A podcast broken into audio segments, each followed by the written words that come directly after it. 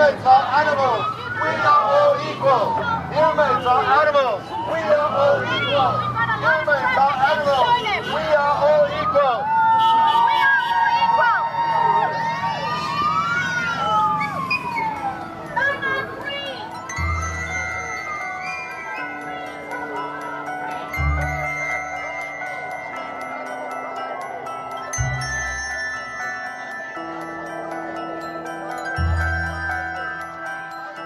Ek dink diere se lewens is so goedkoop en hulle beteken so min.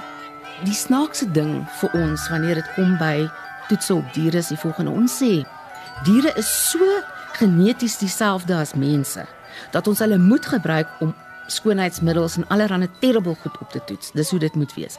Maar eintlik verskil hulle so baie van ons dat dit moreel en eties aanvaarbaar is om hulle te onderwerp aan ongelooflike pyn, maar nie mense nie. Dit maak geen sin nie. Wanneer daar enigiets aan 'n die dier gedoen word, moet dit absoluut geregverdig word. Ons doen wat ons noem 'n uh, nadeel voordeel verhouding wat uitgewerk word op die dier en as daar enige moontlike ingryp op 'n die dier sou wees wat selfs ongemak veroorsaak, moet jy verduidelik hoekom is dit nodig? Wat kan jy doen om dit te verminder? Is daar 'n alternatief? En jy sal nooit op 'n punt kan kom waar jy net eenvoudig diere se bene kan breek en diere kan brand en geen etikomitee wat op die regte maniere volgens die land se standaarde werk sal ooit so iets kan gebeur nie. Ons het die beste belang van ons diere regte op ons harte. Animals want to be free, just like us. Animals get scared, just like us.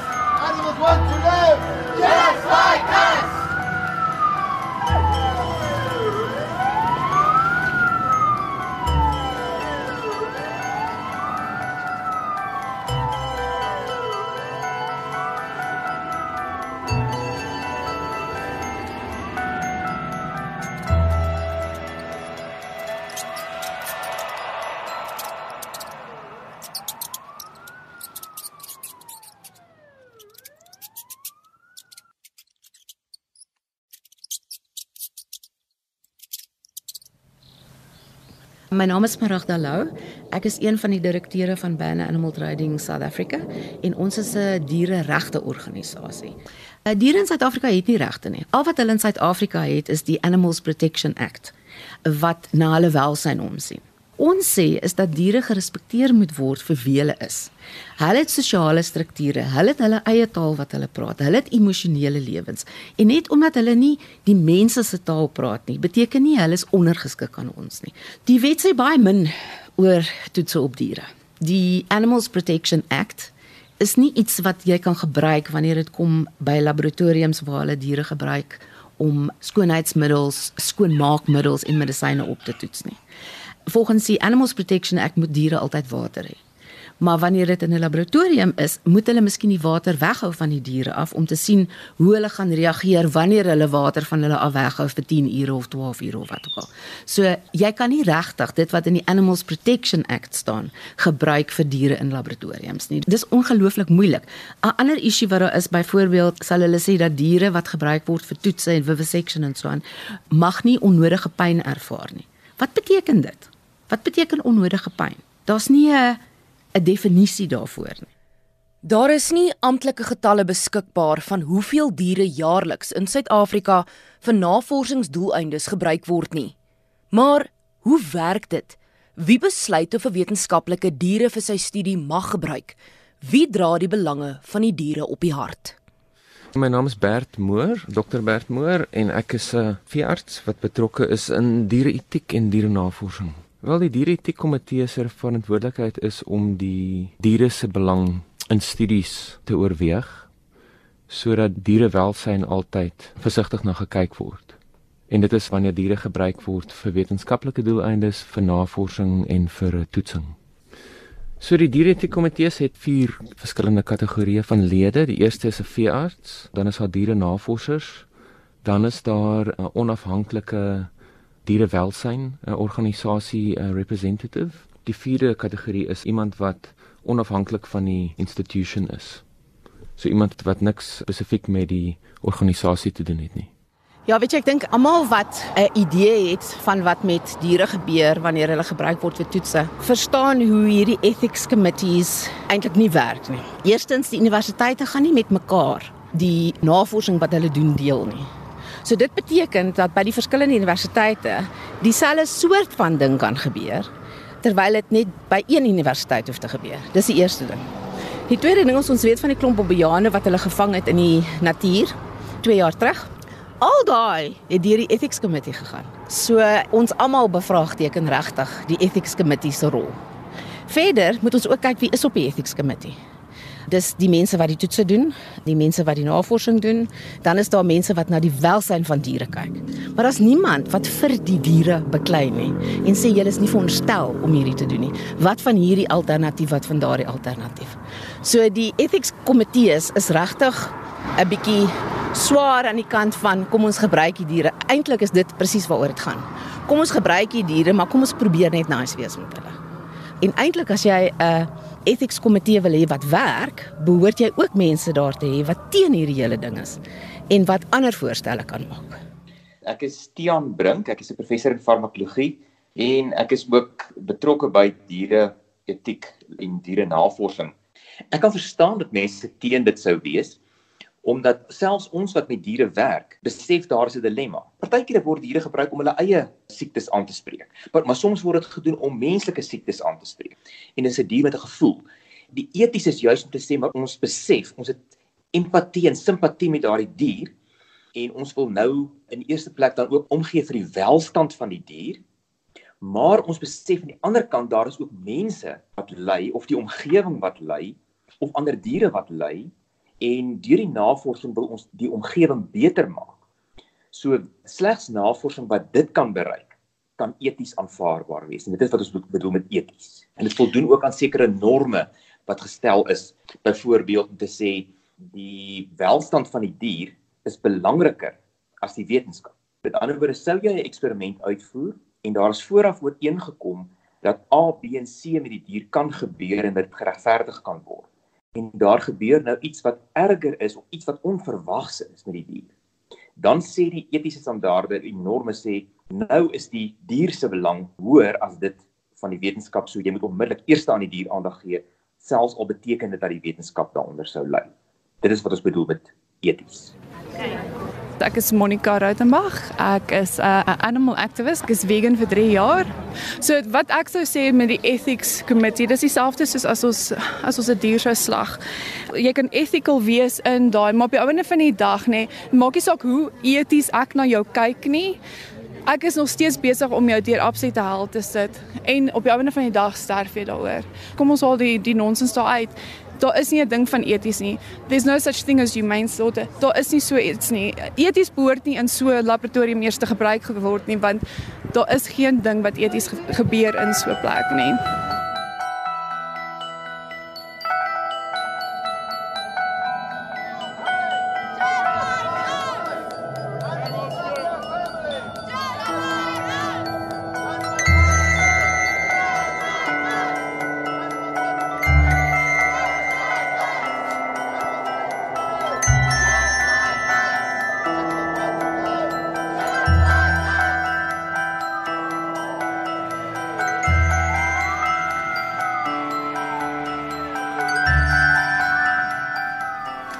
En as 'n mens kyk na hoe word diere gebruik vir wetenskaplike doeleindes, hoe word dit gemotiveer deur mense wat dit ondersteun?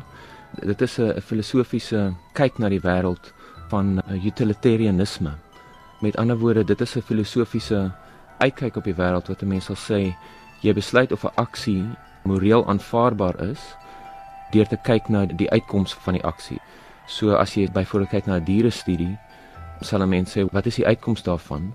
Uh, byvoorbeeld om 'n uh, nuwe middel vir 'n menslike siekte te ontwikkel.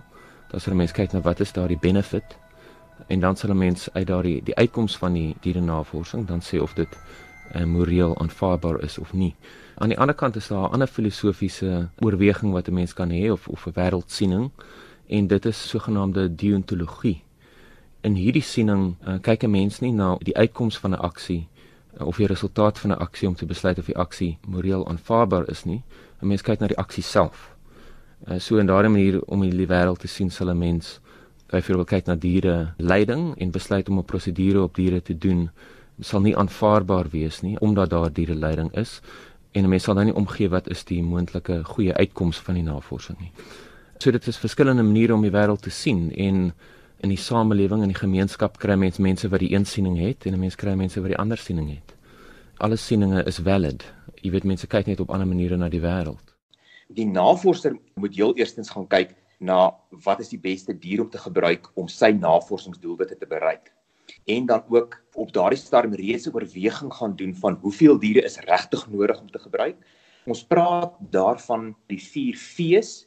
Ons moet heel eerstens probeer om die dier te vervang. En die navorser moes dan al reeds gekyk het is dit nie moontlik om dalk die dier te vervang met iets anders soos 'n rekenaarmodel of iets wat in 'n proefbuis tipe van omstandigheid gedoen kan word nie? En dan die tweede V is verminder. Met ander woorde om te kyk wat is die minimum aantal diere wat nodig is om gebruik te word. En dit moet die wetenskaplike dan met 'n statistikus gaan uitklaar voor die tyd. Derdens is daar dan die verfyning. Wanneer jy dan besluit ek moet 'n dier gebruik en ek moet soveel diere gebruik wat kan jy alles doen om die belewenis van die dier so goed as moontlik te maak? En dan die vierde V is dan die verantwoordbaarheid. Wees verantwoordelik vir wat en jou verantwoordbaarheid vir alteenoor die dier. En dan kom die navorsingsvoorstel na die uh, etiekkomitee en die etiekkomitee kyk vooraf daarna en gaan deeglik deur so voorstel. Daar is 'n bepaalde norme waarna ons moet kyk om seker te maak die wetenskaplikheid dit goed oorweeg En dan kyk ons ook na 'n voordeel-nadeel verhouding en die voordeel van die navorsing moet baie duidelik opweeg dat dit baie groter is as die nadeel. So die feite word op die tafel gesit en 'n oop debat word gevoer. Almal gee hulle insig om te kyk, maak dit sin dat hierdie navorsing wel meer voordele as enige potensiële ongemak of risiko vir die diere inhou. My naam is Tony Brockhoven en ek is die voorsitter van Skoonheid sonder wreedheid. Mans en vrouens kry 'n hartaanval vir verskillende redes. Ons reageer in verskillende maniere. So as ons nie in onsselfde spesies kan dieselfde reageer met sekere dinge. Hoe kan jy nou ietsie toets in 'n muis of 'n hond of 'n kat of 'n haas en dink dat dit gaan dieselfde wees in die mensdom? Die vraag wat vandag gevra word is: Hoe is die vertaalbaarheid van jou navorsing?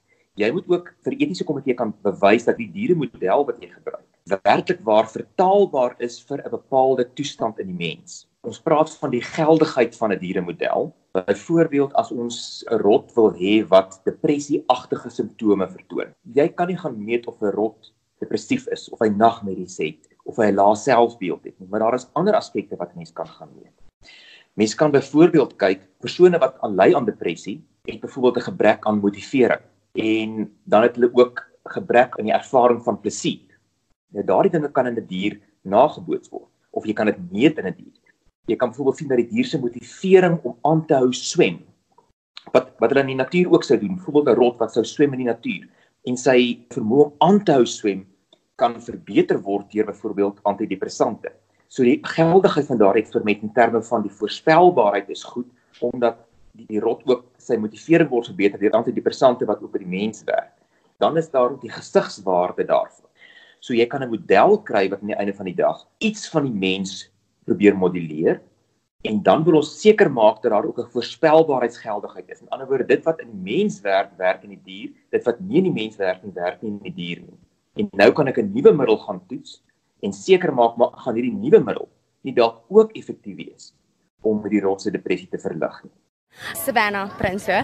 Ek is op 'n vegan groep en elke maand het hulle 'n verskillende tema en hierdie maand is dit eintlik toets op diere en hoe dit werk en whatever. En soos ek dink mense is baie naïef oor alles wat gebeur, soos dit kan tot 800 diere vat om een medisyne te toets. Hulle sal byvoorbeeld soos diere wat swanger is, sal hulle toets en hulle doodmaak om te sien hoe dit die fetus effek en soos 50% van die diere wat hulle op toets, hulle vat hulle tot by daai stadium waar hulle moet doodgaan om die resultate te sien. En die resultate wys nie eers die regte ding nie want soos soos sy gesê het hulle is heeltemal verskillend van ons af. So nie net is dit wreed dis onnodig. En dit help ons nie om te vorder in die mediese bedryf nie want die resultate wat ons kry is glad nie akkuraat nie. Ja ek dink net dis baie arrogant van ons om buite kan dink ons kan op hulle toets net omdat ons meer intelligent is, maar ek voel almal is equal en hulle is intelligent op hulle eie manier net omdat ons nie hulle communication kan verstaan nie, gee ons nie die reg. En baie goed hoef nie eens getoets te word op diere. Daar is cruelty-free produkte. So dit is onnodig. Daar is ander maniere om dit te doen. Jy moet altyd onthou wanneer jy met 'n dieremodel werk dat dit net sekere elemente van die menslike kondisie kan naboots. So as jy aan die einde van die dag die resultate gaan interpreteer, gaan jy ook nie sê hierdie middel wat op die rot gewerk het, gaan dus die mens werk nie, maar die data dui daarop dat dit in die mens ook behoort te werk en dan word hierdie eksperimente verder gevoer en dan begin ons later van tyd kyk na gesonde vrywilligers by mense. Dit is waar ons met kliniese proewe begin, jou fase 1 waar ons dan hierdie middels ook in mense gaan begin toets. Die probleem is juis oor vereenvoudiging. Jy kan oor vereenvoudig deur 'n proefbuis te gebruik om te sê dit wat die proefbuis gebeur gaan voorspel wat in die mens gebeur. Dit gaan nie, maar dit kan sekere aspekte kan dit voorspel. Dit dieselfde wat die dier gebruik. Sekere elemente daarvan is van toepassing op die mens, maar jy kan dit oor vereenvoudig en sê die dier moet nou die mens 100% verteenwoordig en dis ook nie die waarheid nie. So ja, daar is definitiewe beperkings wat in ag geneem moet word wanneer ons diere gebruik. En daarom moet ons baie verantwoordelik wees.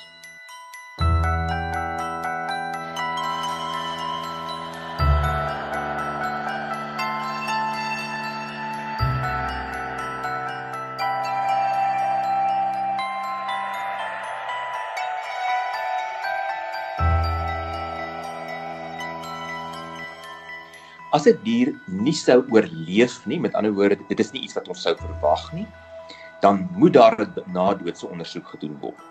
Want ons wil vasstel watter dit veroorsaak om te keer dat dit weer gebeur.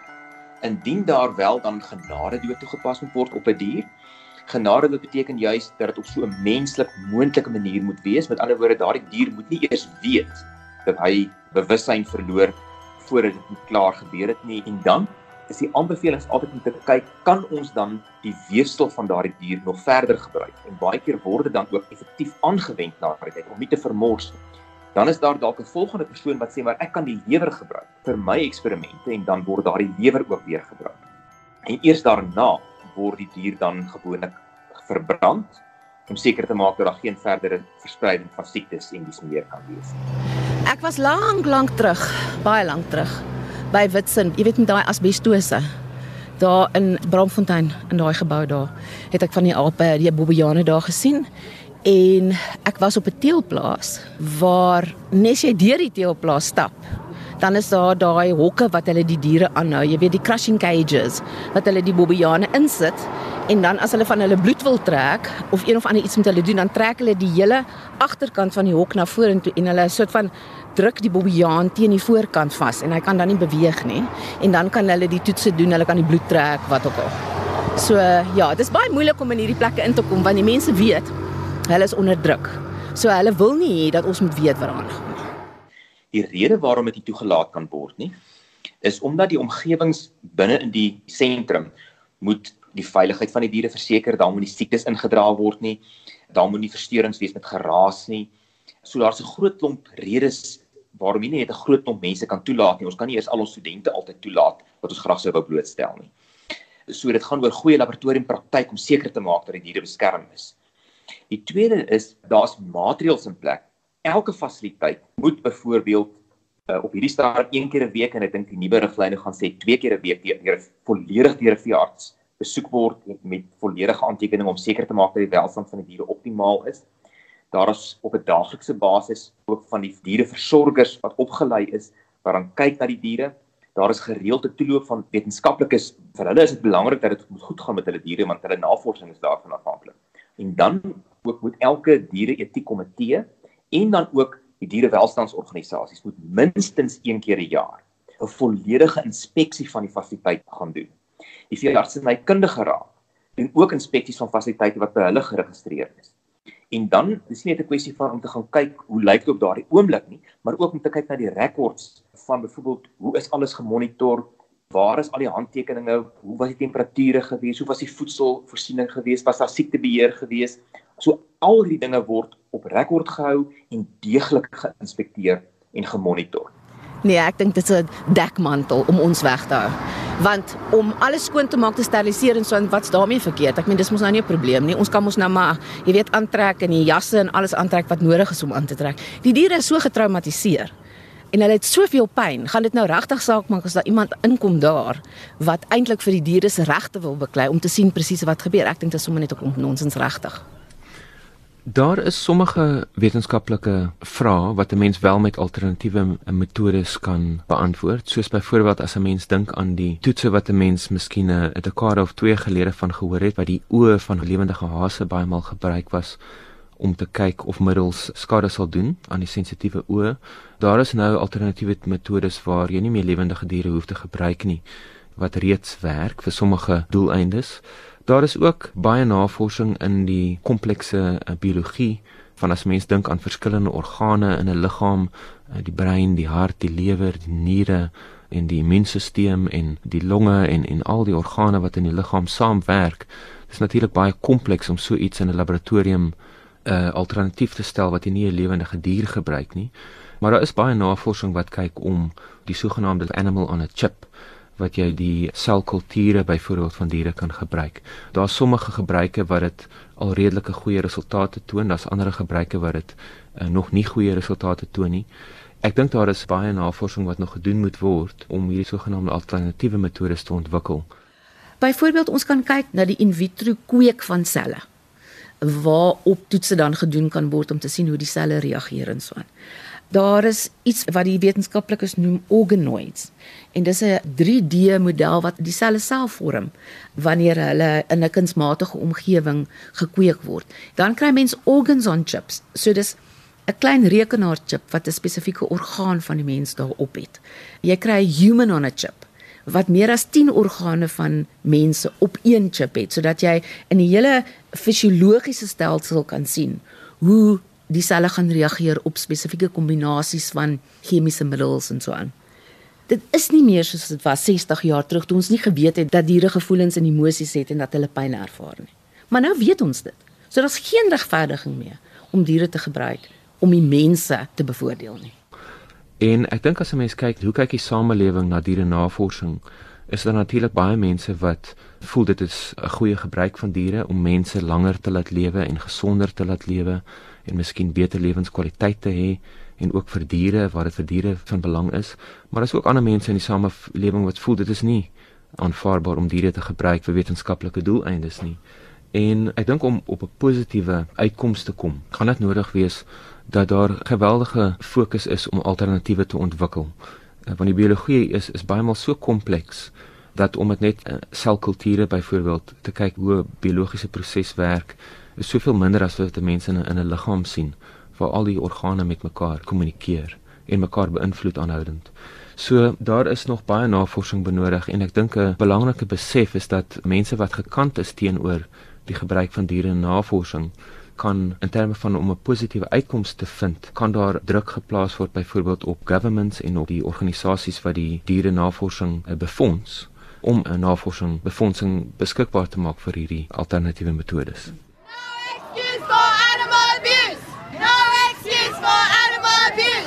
Diereregte proteste soos hierdie of marches gebeur oor die hele wêreld hierdie tyd van die jaar. En dis die eerste keer in Suid-Afrika dink ek dat ons 'n paar honderd mense het wat saam met ons hier is. En dit is absoluut ongelooflik. Dis die begin van iets regtig groots en ons is besig om die boodskap vir die diere uit te kry. Dis absoluut absoluut ongelooflik. Ek kry sommer hoendervleis. Dis net om mense bewus te maak van wat om hulle aangaan. Ehm um, want meeste mense weet nie wat met diere gebeur nie. So 'n paar posters wat sê let's put hell out of business. Weet mense sal dit sien en dink wat beteken dit? So dis net om mense aan te boor om net 'n bietjie net 'n bietjie te gaan lees oor wat is dit wat met diere gebeur. En ek dink in Suid-Afrika is die publiek minder bewus oor die dierewelsyn in laboratoriums as wat die publiek was in die laaste dekade of twee in byvoorbeeld Amerika en Europa. Maar ons sien ook 'n verandering in Suid-Afrika waar mense meer vrae begin vra en ek dink dit is belangrik dat organisasies wat diere navorsing doen op 'n verantwoordelike manier uh, kommunikeer met die publiek wat gedoen word en hoe dit gedoen word en waarom dit gedoen word. Want dan hierdie mispersepsies dat mense voel dat daar vreeslike dinge is wat gebeur in laboratoriums, dan kan mense hierdie mispersepsies regstel. So ek dink dit is 'n kwessie van kommunikasie en ek dink in Suid-Afrika het ons nog nie werklik grootendeels vir kommunikasie gehad nie. Ek dink hierdie radio fokus wat julle nou doen deur RSG is die tipe stap wat 'n mens nodig het om te beweeg in 'n rigting wat die publiek ingelig is oor dierenavorsing en uh, ingeligte besluite is. In baie lande word daar elke jaar publieke peilings gedoen om vir lede van die publiek te vra hoe voel hulle oor dierenavorsing, hoe voel hulle uh, is dit aanvaarbaar, is dit nie aanvaarbaar nie. En in Suid-Afrika het ons glad nie sulke statistieke nie. So ek dink as ons meer oop kan wees oor die dierenavorsing, waarom dit gedoen word en hoe dit gedoen word, dan sal mense ook nie voel dat dinge weggesteek word nie. En miskien as daar meer vertroue geskep word in die navorsing, sal dit help dat almal mekaar beter verstaan. Wanneer daar enigiets aan 'n die dier gedoen word, moet dit absoluut geregverdig word. Ons doen wat ons noem uh, nadeel voordeel verhouding wat uitgewerk word op die dier en as daar enige moontlike ingryp op 'n die dier sou wees wat selfs ongemak veroorsaak, moet jy verduidelik Hoekom is dit nodig? Wat kan jy doen om dit te verminder? Is daar 'n alternatief? En jy sal nooit op 'n punt kan kom waar jy net eenvoudig diere se bene kan breek en diere kan brand en geen etiekomitee wat op die regte maniere volgens die land se standaarde werk, sal ooit so iets kan goedkeur. Ons het die beste belang van ons diere regtig op ons harte. So daar's vir elke dier wat die lab gebruik, is daar 'n spesifieke rede hoekom hulle verkies om hulle te gebruik. Maar jy kan nie meer in Suid-Afrika, byvoorbeeld bobiane in die natuur vang. En dit het altyd gebeur. En hulle dan in die lab sit en dit iets op hulle doen. Daai mag jy nie meer doen nie. Dis nou onwettig. So ten minste is dit dan een trappie vorentoe. Daar is nie meer 'n rede vir ons om diere te gebruik nie. Daar's net geen sin nie aan nie. Geen sin hoegenaamd nie. En ek dink die tyd het gekom dat ons soos met vrouens wat nie regte gehad het nie. En soos met mense wat ons verskriklik sleg behandel het as slawe. En soos mense wat ons in dieretuine aangehou het om vir ander mense te wys hoe snaaks hulle lyk. Al daai tot 'n einde gekom. En ek dink ons is op pad om dieselfde te doen vir diere. Ek hoop regtig so. Ek dink dit is belangrik om 'n veilige besprekingssituasie daar te stel wat mense mekaar beter kan verstaan en dat die wanpersepsies opgeklaar word want dit is eers wanneer die wanpersepsies opgeklaar word dat ons regtig kan vorentoe beweeg.